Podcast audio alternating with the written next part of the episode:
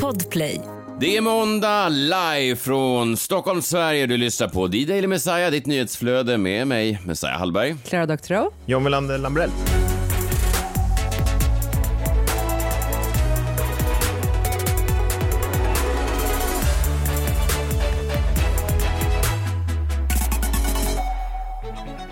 Jag eh, satt i bilen här i, i helgen och så satt jag och lyssnade på den eh, veckopanelen från Kvartal, eh, den sajten. De har ju en sån podcast som sammanfattar veckan och jag, eh, jag brukar alltid lyssna på den. Jag tycker den är lite, ger en bra bild liksom. För en idiot som jag så kan även jag få försöka känna som att jag hänger med lite grann. Och då satt jag och lyssnade på den då med min, min son i baksätet och eh, jag tänkte liksom inte riktigt på vad de pratade om. Vi kan bara lyssna. Här är Janne Josefsson då som pratar om eh, världsläget just nu. Beroende på vad som händer idag, det vill säga det här mötet mellan eh, Ryssland och USA. Utfallet av det kommer att påverka det väldigt, väldigt mycket och om det inte löser konflikten på något sätt i någon riktning här nu då så i, om, om en vecka så kommer de att gå in i Ukraina och det gör ju att, jag menar och vad händer då? Vad händer med oss? Vad händer med Europa? Vad händer med de närbelägna länderna, Litauen och vad händer med Nato och alltihopa? Skakigt. Det är skakigt. Åh oh, gud. Du skrattar? Ja, men stackars Nils. Ja, jag vet. Det var det som sen eh, slog mig, för sen körde vi fram då. Jag körde och var ute på Mall of Scandinavia och så skulle vi eh, parkera där. Och så vände jag mig om och så ser jag att han ser alldeles skräckslagen ut då. Och då har jag suttit och lyssnat på den här krigshetsen i en halvtimme i bilen.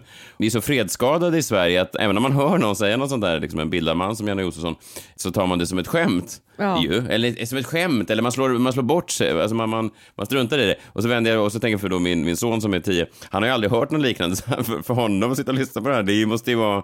Jag kan inte ens föreställa mig vad han ser framför sig. Nej. Nej, verkligen inte. Alltså, det är så svårt för dem att ta in ju. För jag, också jag märkte nu när jag pratade om det där med, med Kjell hemma och så hörde jag bara Betty, vadå, vadå ska det bli krig? Och jag bara, kanske. Och sen så bara, vad fan säger jag? jag bara, nej, nej, nej, det ska inte bli krig. Det kommer inte bli krig. Och bara, vi tar det när det kommer. Ja, precis. Vi tar det när det kommer. Nu kommer strax Foodora hit, så att, sätter vi bord. Alltså, så jävla... Det bara, det bara, jag, vet inte vad, jag vet inte ens vad det är, men det är bara, jag bara slogs av det när jag såg in i hans blick att han, för honom måste ju det här vara någonting helt annat. Jag tror att den här fredsskadan är någonting man vaggas in i i Sverige ju, längre man lever, men om man bara sätter barn här och säger så här, just det, precis, ryssen kanske invaderar här i grannländerna, Ja. så, så, så uppfattar de det uppenbarligen på ett annat sätt än vad vi Foodora-skadade junkies gör. Han lät eh, alarmistisk, eh, Josefsson. Han målar inte upp en ljus bild. Jag tycker väl ändå att det finns eh, fog för att ta det lite på allvar. Jag satt och snackade med Kjell om det också, för tydligen så var han i underrättelsetjänsten när han låg i lumpen på den här tiden då alla... Kjell? Ja, och han var befäl. Han var typ högste befäl eller något sånt där. Övre befäl. Det är helt sjukt. Alltså jag trodde, jag trodde verkligen inte det om honom. Han är ju inte... Han är inte så smart. Då är, har vi ett bra skydd, Sverige i alla fall. Men då, då fick de ju plugga... Nej, jag Se, se till att väcka Kjell om, om Putin kommer. Ja. Nej, men då så satt han och pratade om då vilken typ av strategi de skulle använda sig av då, på den tiden. Eh, eh, Och det var ju liksom precis i slutet av kalla kriget som han gjorde lumpen. Men då, så det liksom liknar väldigt mycket de strategierna man ser nu. Man tänker att de skulle ju för det första spionera och hålla koll, alltså det vi ser nu med de här eh, drönarna över eh, viktiga platser. Allt det där, det är ju 100% ryssen. Det, kan vi slå fast det nu? Ja, fast är inte drönarna den nya ubåten? Alltså det är ju alltid samma sak. Alltså, det är, man har sett massa drönare, så bara, här har vi en bild på den, så bara, det där kan vara lite vad som helst väl? Jo, Att men ingen ändå. lyckas ta en bild på varken ubåtarna eller drönarna är ju lite märkligt, om de nu är, syns överallt. Ja, men det bara stämmer överens med en, en typisk rysk eh, strategi. Kommer all den här informationen nu direkt från Kjells mun? Ja, det är jobbigt också med tanke på att han har ryskt påbrå, så jag förstår inte. Ah, han är den första som säljer ut det. Doktorovs! Kill them, not us. We're the Doktorovs. We've been here for many years. Jag blev ju lite förvånad förra veckan när ditt öppna brev var varför eh, Putin var en sån varm, varm man. Varför hans sexgrotta inte är något problematiskt. Men såg ni det att han hade han, i hans så här påstådda palatset som de nu säger är hans palats, det har läckt bilder, tusentals bilder, så finns det då ett rum eh, med en gyllene strippstång som kallas för hookah. Hela rummet kallas för hookah. Man bara okej, lite bättre fantasi har ni väl ändå? Eller? Det är inte mitt största problem med Putin, men, men eh, nej, visst. Hans då, säga vad man vill om Putin, men jag måste klaga på hans fantasi. Jag, tycker, det, jag förväntar mig lite mer av en diktator. Säga vad man vill om Saddam, men han hade ändå en jävla... Det var en kreativ jävla spruta den där killen. Hade han inte styrt Irak så hade han lett en, en reklambyrå antagligen på Södermalm. Eh, jag tyckte det var lite, jag vet inte, det är också så sjukt, man pratar i termer, eller jag ska stå för det själv, jag pratar i termer om att det känns lite spännande, alltså när man får så här tidsramar, liksom när, Janne Josefsson säger, ah, okej, inom sju dagar då, där var vi i helgen, sju dagar så vet vi, då går ryssen in. Det är så jävla, det, det blir så abstrakt så att man kan nästan inte ens, ja, jag vi får se. Sverige fortsätter ju som vanligt så länge. Eh, vi har ju våra egna problem. Jag såg att Brita och Kalle Zackari Wahlström, de var missnöjda med SVTs beslut här över de har schemalagt deras nya säsong av Hjälp, vi har köpt en bondgård eh, lite senare än vad de tidigare hade då eh, legat. Ja. De flyttades då från 21 till 22 och då sa Kalle Zackari Wahlström, vi har fått en riktig porrfilmslott i SVT. Jag vet inte riktigt, det väcker ju två frågor då. Man tänker ett, vilka kanaler visar porrfilm klockan 22.00? Det, det är ganska ovanligt tror jag. Ja, det var tidigt. Ja, det är tidigt tänker man. Och sen tänker man också, eh, om Kalle då är orolig att, att folk sätter sig vid den tiden och förväntar sig en porrfilm och sen kommer de istället och då blir, man, blir, man blir missnöjd tänker jag. Men man ger den nog i alla fall några minuter, för det börjar ju ofta de, den där serien som en porrfilm. Alltså hon står i ladan och så kommer han in utan tröja på ungefär. Så att man, man, man kan ändå tänka de första minuterna att här händer det någonting. Ja, men han har väl aldrig haft ett plagg på överkroppen under hela seriens gång, tror jag. Men också sen de här tidslotten, jag vet inte vem, vem tittar så? Vem bänkar sig 21.00 och så bara, vad fan är inte Kalle och Brittas bondgård igång? Nej, jag vet, fast man ska inte strunta i det, för eh, till exempel eh, som min, eh, min show hade ju flera hundratusen tittare på, mycket mer än vad den har på Play. Så att det är fortfarande en grej. Men jag såg också Karina Bergfeldt eh, firade 1,8 miljoner tittare. Det är ju inte 1,8 miljoner streams hon firar, det är ju tittare John. Jo men de, det måste, streams måste ju vara medräknade där. Nej, streams är separat. Nej men det är, om, det är omöjligt att 1,8 miljoner sitter med ett kabel-tv-paket och tittar. Alltså det är inte möjligt. Om det är det kan ryssen komma hit direkt. Ja, men på tal om Bergfeldt, jag, jag, jag vet inte om ni eh, såg det i fredags. Eh, De hade ju en gäst, det var ju väldigt intressant. John, du hade ju det här sällskapsspelet som du premierade för någon vecka sedan som heter Kan det stämma? Ja, Minns du det? Du hade ju ett jävla... Ja, du höll ju på att försöka ta fram spelpjäser och spelbricka och så vidare. Det gick då ut på att man skulle, jag och Klara, eller de då som vill spela det här spelet, de får höra ett uttalande, de får höra en kändis och så, så hör man då eh, om, om dens partner då visste vem den var innan de blev ihop. Alltså säg John Lennon, eh, Yoko Ono då. Visste du Yoko att John Lennon var superkänd och världskändis och en, eh, nästan en gud inom vissa kretsar innan du träffade honom, innan du blev ihop med honom? Och nej var då svaret på ganska många kan man säga. ja, nästan alla. Och då var ju frågan, kan det stämma? Ja, precis.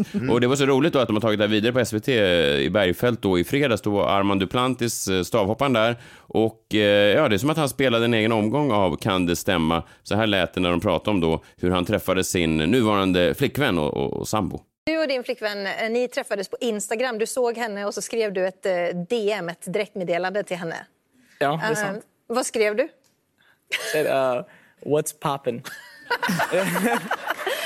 Men det är ju en jättedålig raggreplik. Ja, men it worked. Ja, det är sant We're faktiskt. sambos now, so Men hennes svar var också ganska roligt, har jag hört ifrån säkra källor. Ja. Jag tror hon svarade, vem är du? Vem är det? Ja, exakt. Det är någon som... Hon hade ingen aning heller. Men vadå, det står ju på hans Instagram. Kan det stämma att hon inte ens ögnade igenom Armand Duplantis eh, Instagram-profil där han har sitt senaste världsrekordhopp som senaste videoklipp? Det var fullt med stavar. Ja, men också, alltså, att hon aldrig har varit inne på Aftonbladets eh, första sida någon gång de senaste fyra åren. Ja, eller googlar hans namn. Antingen är det så att de är helt obrydda av kändisar, eller så är det så att de alla då kändisar bara blir ihop med folk som är helt dumma i huvudet och inte har någon koll. Ja, eller alternativ tre är ju att de då ljuger. Ja, det är väl det som gör Sällskapsspelet Kan det stämma till en sån succé.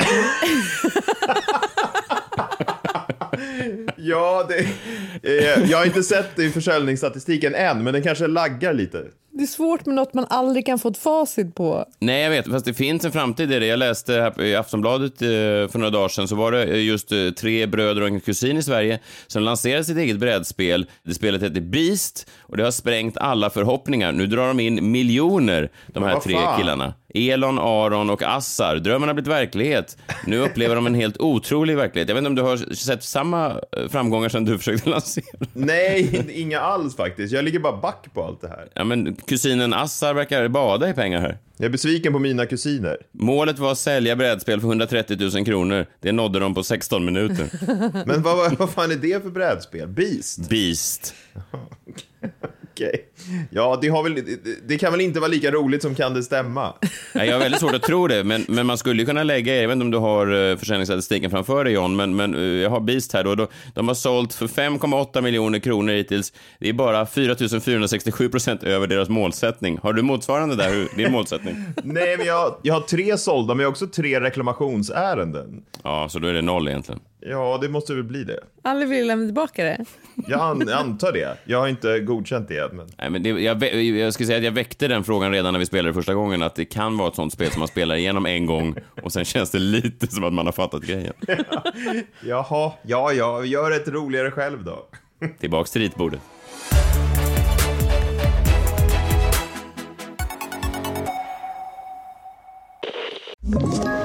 Ett poddtips från Podplay. I fallen jag aldrig glömmer djupdyker Hasse Aro i arbetet bakom några av Sveriges mest uppseendeväckande brottsutredningar. Går vi in med hemlig telefonavlyssning och, och då upplever vi att vi får en total förändring av hans beteende. Vad är det som händer nu? Vem är det som läcker? Och så säger han att jag är kriminell, jag har varit kriminell i hela mitt liv men att mörda ett barn, där går min gräns. Nya säsongen av Fallen jag aldrig glömmer på Podplay.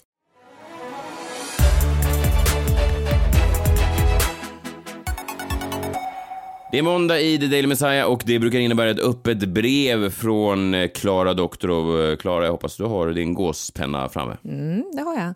Du, eh, I helgen så var det en demonstration. Det var en massdemonstration kan man väl kalla det för runt om i Sverige. Egentligen var det bara Stockholm och Göteborg vad jag har läst mig till i alla fall.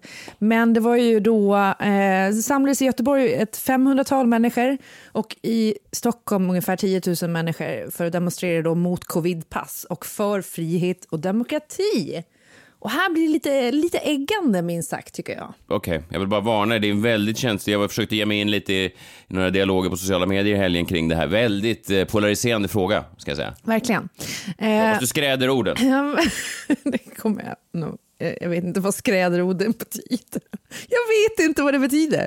Vad betyder det? Messiah försöker sätta munkavel på, på Klara. Ja, i alla fall. Här kommer ett öppet brev då till eh, er som demonstrerade i lördags.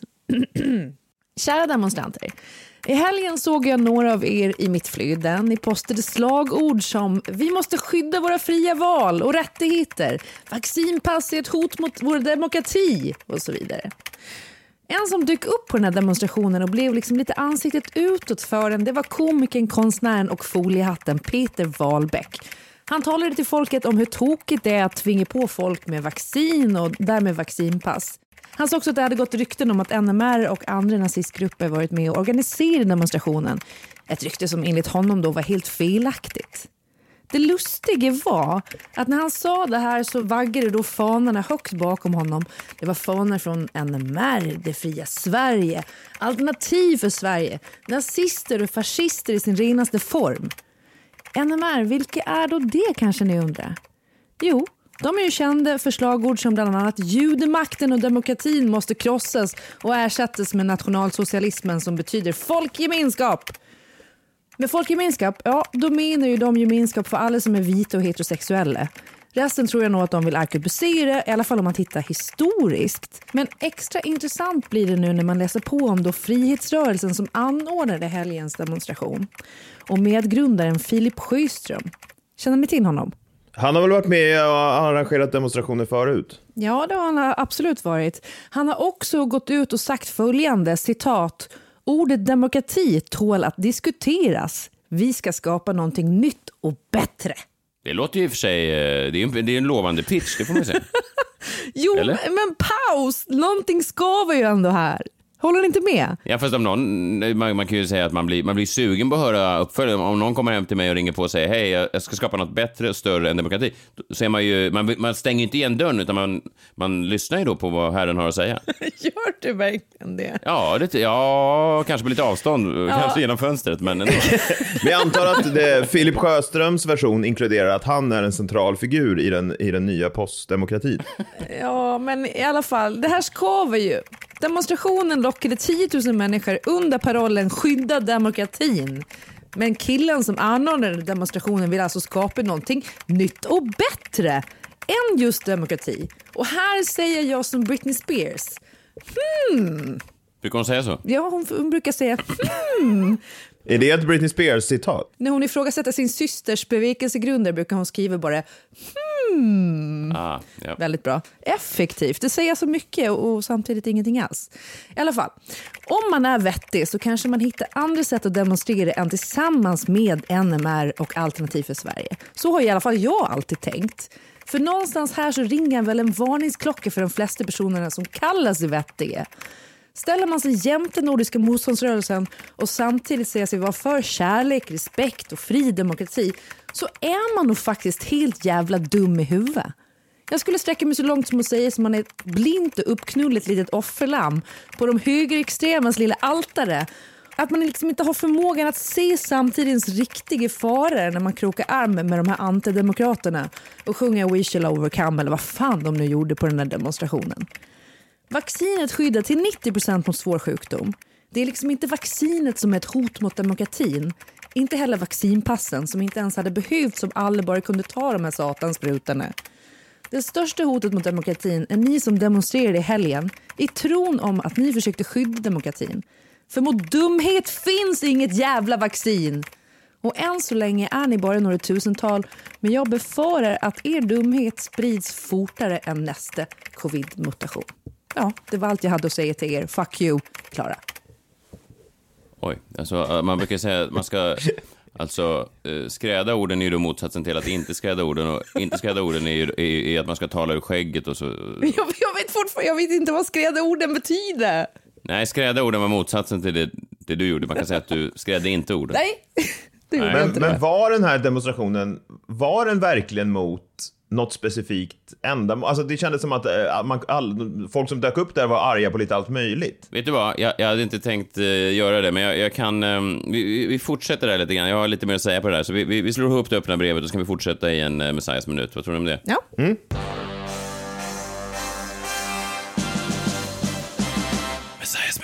Vaccinspecial. Vaccinspecial, lämpligt eh, sammankopplat på ett snyggt sätt.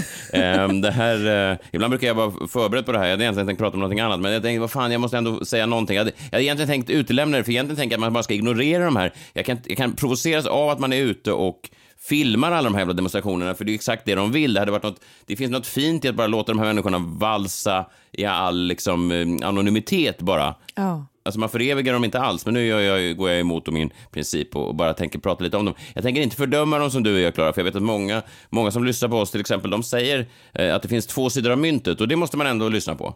Ja, alltså, jag menar, vaccinera er eller inte, gör vad fan ni vill. Men ni behöver väl inte demonstrera ihop med eh, fascister och nazister? Alltså, vad, hur, hur tänker man då? Jag fattar inte det. Nej, men jag, jag, jag såg det här och så såg jag den här blandningen. Jag, jag skrev någon tweet om Peter Wahlbeck och folk blev ju både eh, super, eh, tyckte ha ha ha ha vilken dåre Peter Wahlbeck, men också folk som försvarade Peter Wahlbeck och skrev ha ha ha ha, han har i alla fall ett jävla mod till skillnad från dig din jävla PK-råtta eller vad de nu ska jag bara ögnade igenom. Ja.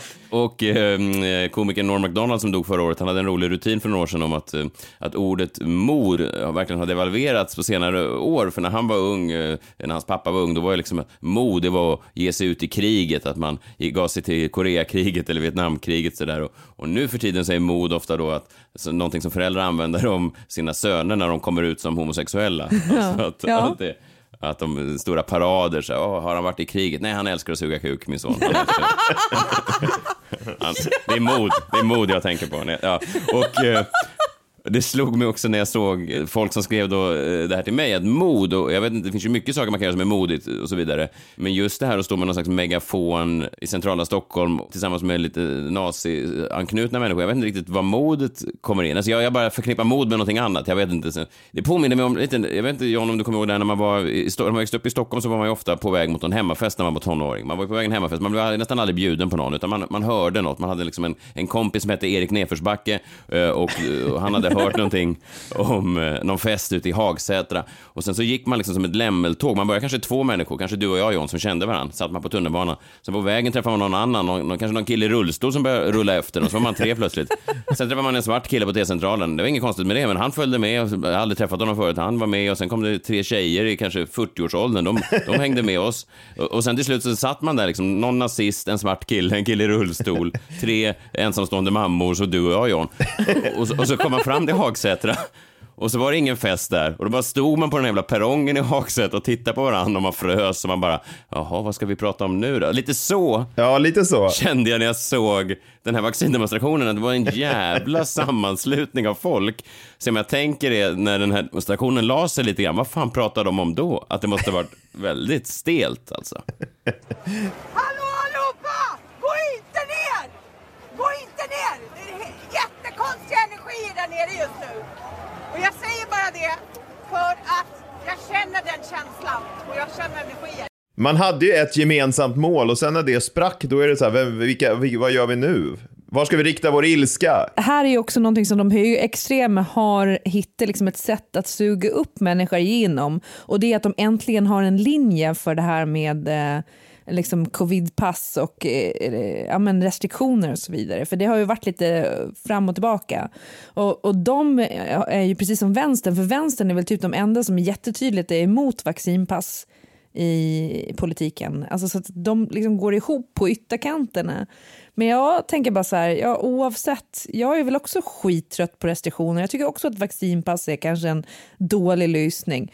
Men, men jag, tycker, jag tycker inte att lösningen är att ställa sig och kroka arm med eh, nazipelle. Liksom. Vad fan är det? Men vi skulle alla, tror jag, hamna, kunna hamna där. Varför inte? Vad om man, jag skulle kunna hamna Ja, där. John, hur långt bort skulle du säga att du är från att leda en sån här demonstration? Men inte långt på. Det handlar också om vilket tillfälle. I, i fredags eh, var vi ute och åt middag på eh, ett ställe och sen klockan 23 då blev vi ju utslängda.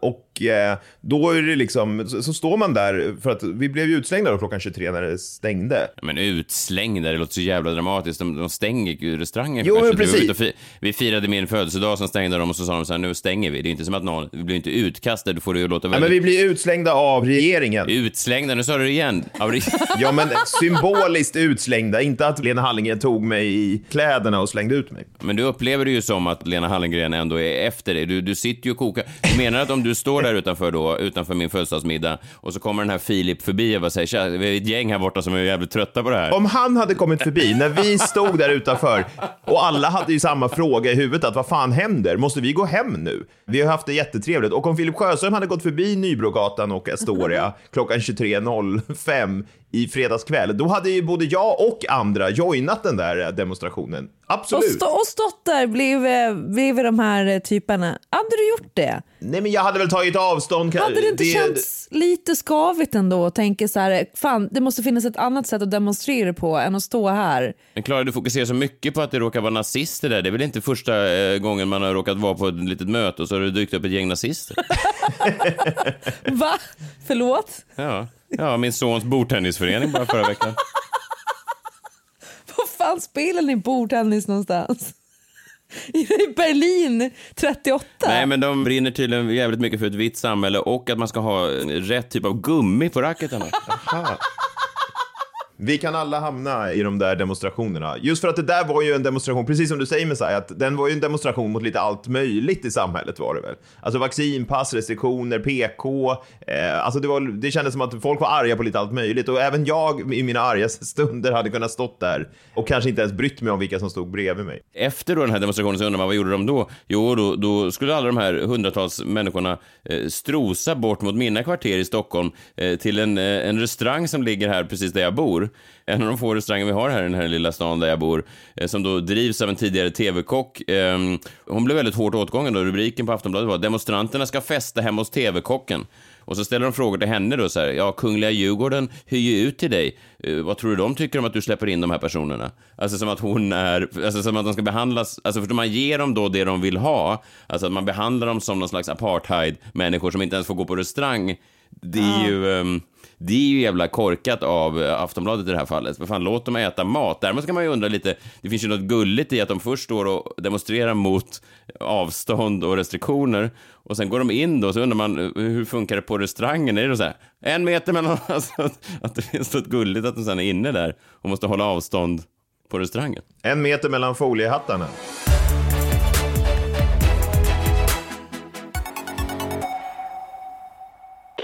you poddtips från Podplay.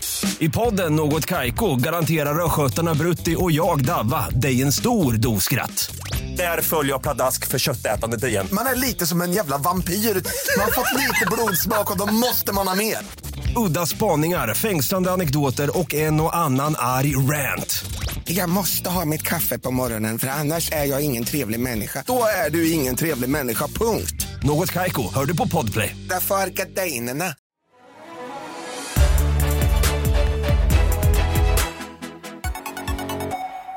Ny vecka här på The Daily Messiah och alltid när man gör en eh, underhållande podcast, även om vi har ett nyhetstema så får man ju höra det. Kritiker säger ja, det är bara det är flams och trams, finns inget utrymme för seriositet och därför har vi just den här programpunkten. Jag tror idag att det är Glenn Hussein som har en lösning på vad man kan göra åt den ekonomiska krisen.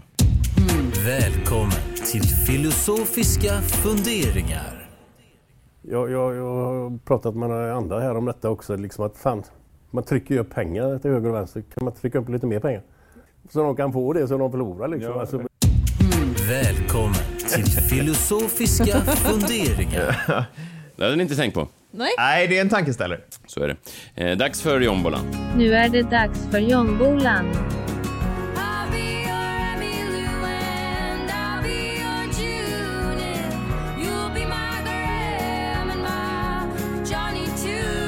Nu är det dags för jombolan. Ja, men det är intressant det där med eh, att inte bara ville ha eh, flams och trams. Eh, för jag tror att, eh, så där börjar även influencers känna lite grann nu. Att de kan ju också få kritik lite ibland, precis som morgonradio och så. Att ja, men det är mycket liksom eh, ytliga grejer, lite flamsigt, eh, lite fånigt eh, kanske. Så då upptäckte jag att eh, en stor influencer, Martin Melin, eh, följer ni honom?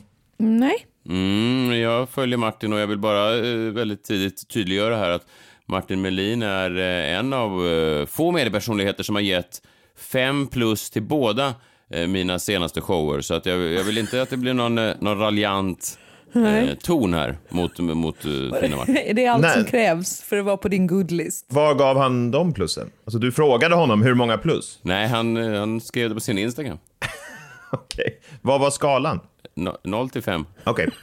Eh, ja, vad kul, men det är bara roligt. Jag har aldrig blivit ombedd att sätta plus på, på din show. Men man ska bara göra det då. Jag ber ju inte, jag bad ju inte Martin. Jag bara, jag, det, det enda jag säger är att om det kommer någon, jag kommer eh, så att säga att stå upp för Martin om det visar sig att poängen här är någon raljant hån av herr Melin. Nej, det är det inte. Tvärtom faktiskt. För att eh, jag, Oh. jag tror att han eh, började känna eh, liksom så här att ja, men jag vill gärna vara med och folkbilda också. Jag har så här många följare som tycker om mig.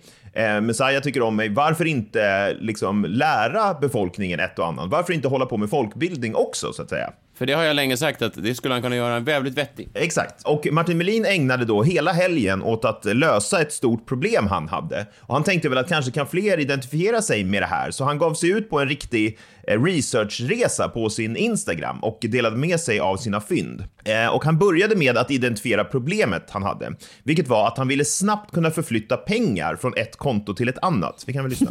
Vet ni vad? Nu, nu, är jag, nu måste vi prata allvar om det här med bankdagar. När det står en till två bankdagar. Vad är det som behövs så mycket tid för? Det är ju inte längre någon som manuellt sitter och matar in en betalningsavi och knappar i någon dator sen. Allting går ju idag elektroniskt. Om jag ska föra över pengar från ett konto till ett annat konto. Varför behövs det en till två bankdagar för datorn att fatta det? Det är obegripligt. Dessutom, vad är det som gör att det måste vara bankdagar. Vadå, jobbar inte datorerna på helger eller? Jag förstår inte detta. Det är helt jäkla obegripligt. Man borde kunna föra över, det borde kunna gå på en mikrosekund. Nu ska jag iväg och träna. Ja, jag kan förstå det här. Det, här. det är ju faktiskt helt obegripligt när man tänker på det. Så han har även han har väckt någonting hos Klara här nu redan. Om NMR kan lösa det här, då kan jag tänka mig att gå över. Ja, jag ska inte gå händelserna i förväg nu, men eh, han drar ju ut på en, en research. Han är väldigt upprörd här också. Han, han hatar bankdagar. Men sen då, eh, precis för det är intressant att klara att, att några timmar... Det är hans, det är hans demonstration i centrala Stockholm. ja, jag säger det. Vi alla kan hamna där när man blir arg. Inga bankdagar. Så bara, vad fan Det, det är bara han och Kent Larsen i centrala Stockholm. De har äntligen då enats efter 25 års fade. Sen Tenga står de där kring bankdagarna. Lyckligtvis då, några timmar senare så kommer det en, en uppdatering på hans Instagram. Då har eh, Martin Melin gjort sin research och samlat fakta och eh, han har också eh, kommit i kontakt med några av eh, världens främsta experter på ämnet, hans följare. Ni är många som frågar om svaret och det är så här att jag har kanske fått ja, 150 svar. Och eh, många jobbar på bank. Vissa säger det bara är så. Vissa säger att det sitter fysiska personer och kontrollerar transaktioner. Vilket jag tycker verkar orimligt för det har ingenting med penningtvätt att göra. Att det är skillnad om man ska sätta in stora summor. Då förstår jag att någon, något system reagerar. Ah, här ska någon sätta in 25 000. Hmm, här måste vi kolla. Men när jag ska betala så borde det kunna gå på samma stund som jag trycker på knappen. Och inte då en till två bankdagar. Så att man kan säga så här. Nej, jag har inte fått något svar. Och ni behöver inte gissa, ni som gissar eller ni som tror. Eh, och det verkar som att bankmänniskorna inte heller vet för att jag får olika svar från olika bankmänniskor. Peace and love. Ja, så det börjar ju med att han hade kommit i kontakt med en massa experter, men sen så slutar det lite grann med att han blir nästan arg på sina följare här. Så sluta komma med gissningar ni som inte vet, och ingen verkar veta. Det här känner jag mig jätteupprörd över. Ja, jag förstår. Det blir väl en demonstration då. eh, Ja, jag är med. Jag är med Martin på det här. Det är ju helt sinnessjukt. Varför? Ja, men lyckligtvis eh, då, så till slut så hittar han ett svar. För några timmar senare kommer det en ny story och då har Martin Melin hittat lösningen på problemet och vill dela med sig det till eh, sina följare. Vi lyssnar då. Vi tar en liten runda till. Nu har människor som vet svarat. Och då är det något, något det är bankgirot som är inblandat. Och bankgirot skickar bara transaktioner en gång om dagen till olika banker. Och de jobbar inte på helgerna. Och det måste finnas personal som kollar så det här funkar. Man jobbar på någon realtidslösning. PS27 hette det så? PS72. Eh, men det är tydligen dyrt att ta fram och så vidare. Ja, alla tycker det här är ett dåligt system och att det är eh, ålderdomligt. Men då kan man ju använda Swish. Och Swish funkar ju. Så att eh, betala er räkning med Swish istället. Skit i bankerna. Eller de är ju inblandade ändå. Men ni fattar. Nu ska jag berätta det här. Köttfärssås. Lösningen på Martin Melins pengaöverföringsproblem heter alltså Swish. Det är något nytt eh, system tror jag och jag gillar den här utvecklingen att influencers försöker att också bli folkbildare så att man får lära sig någonting också. Jag sa ju att han var eh, klipsk. Ja. Ja, men oerhört klipskt. Alltså, han identifierar problemet, gör sin research och hittar lösningen. Swish. Fem plus.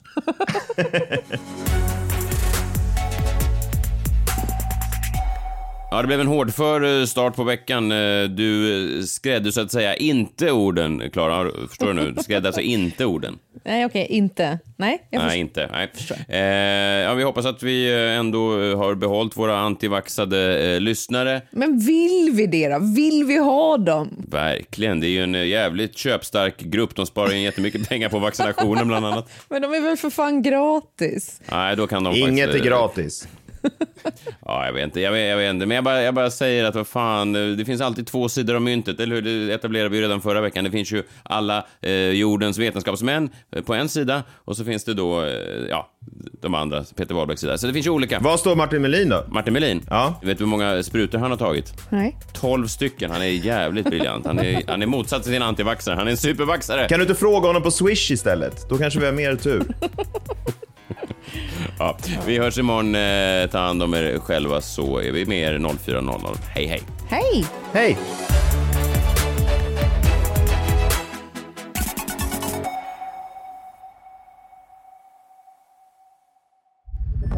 Podplay, en del av Power Media. Poddtips från Podplay. I podden Något Kaiko garanterar östgötarna Brutti och jag, Davva, dig en stor dos skratt. Där följer jag pladask för köttätandet igen. Man är lite som en jävla vampyr. Man har fått lite blodsmak och då måste man ha mer. Udda spaningar, fängslande anekdoter och en och annan arg rant. Jag måste ha mitt kaffe på morgonen för annars är jag ingen trevlig människa. Då är du ingen trevlig människa, punkt. Något Kaiko, hör du på Podplay. Därför är gardinerna.